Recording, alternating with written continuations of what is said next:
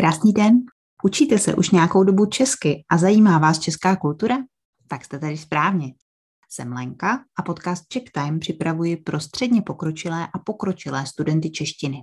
Podcast má formu seriálů, ve kterých se postupně dozvíte informace o známých Češích, místech, unikátech a dalších zajímavých věcech spojených s Českou republikou a její kulturou.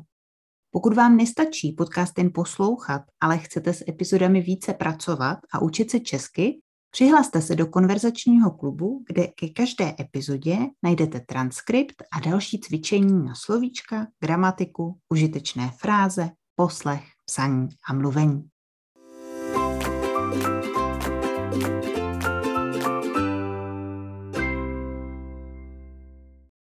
Krásný den, Vítám vás v druhé sérii podcastu Check Time, kde si povídáme o českých památkách zapsaných na seznamu Světového kulturního dědictví UNESCO. Dnes spolu virtuálně navštívíme malou vesničku v jižních Čechách, přibližně 16 kilometrů západně od Českých Budějovic, Holašovice.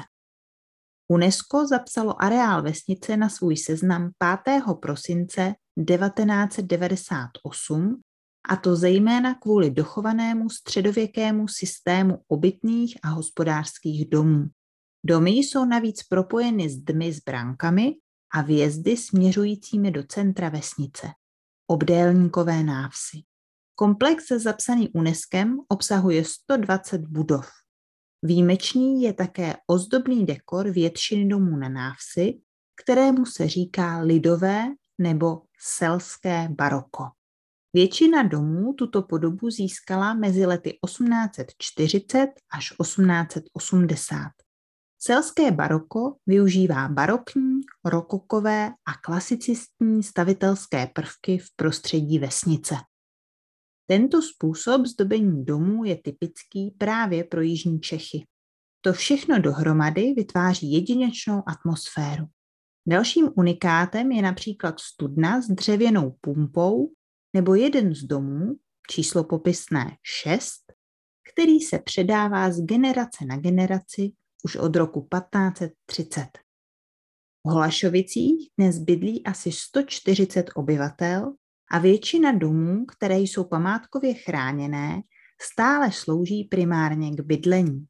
Nejde tedy o nějaký zakonzervovaný skanzen nebo muzeum, ale o skutečnou živou jihočeskou vesnici, která si dokázala uchovat svůj původní styl. První zmínka o Holašovicích pochází z druhé poloviny 13. století, přesněji z roku 1292. V první polovině 16. století téměř všichni obyvatelé vesnice zemřeli na mor. Brzy se sem však nastěhovali němečtí obyvatelé a začali zde žít a hospodařit. Další velká rána pro vesnici přišla během druhé světové války. Místní německé obyvatelstvo se snažilo o připojení Holašovic k německé říši a to se jim také podařilo. Česká menšina, která v obci ještě žila, se tak musela odstěhovat do středních Čech. Po válce v roce 1946 byli Němci odsunuti a prázdné domy znovu zabrali čeští obyvatelé. Po válce se v obci všechny domy opravovaly a udržovaly v souladu s jejich původní podobou. Stát proto jednotlivé holašovické domy označil za kulturní památky už v 60. letech. V roce 1995 se začal památkově chránit celý areál vesnice. O tři roky později uznalo jedinečnost obce také UNESCO. Do té doby, než byly Holešovice zapsány na seznam světového kulturního dědictví UNESCO, zde cestovní ruch prakticky neexistoval. Dnes Holešovice každý rok navštíví přibližně 90 tisíc turistů. To vede nejen k dalším rekonstrukcím v souladu s původní podobou staveb, ale také k rozvoji služeb, například vzniku turistického informačního centra. Lidé zde začínají nabízet krátkodobé ubytování a fungují zde dvě hospody. Holašovice můžete navštívit například předposlední neděli v červenci, kdy se tu každoročně konají selské slavnosti. Kromě kulturního programu jde hlavně o typický staročeský jarmark, kde se můžete podívat na více než 230 tradičních i méně tradičních řemesel z Čech, Moravy a Slovenska.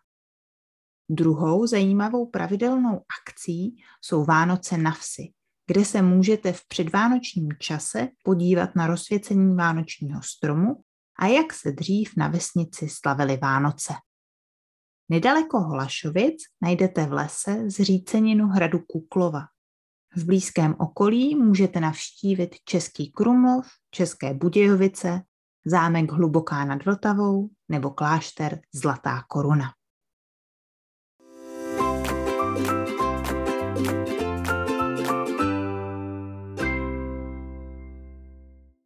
Líbila se vám epizoda a nestačí vám jen si poslechnout?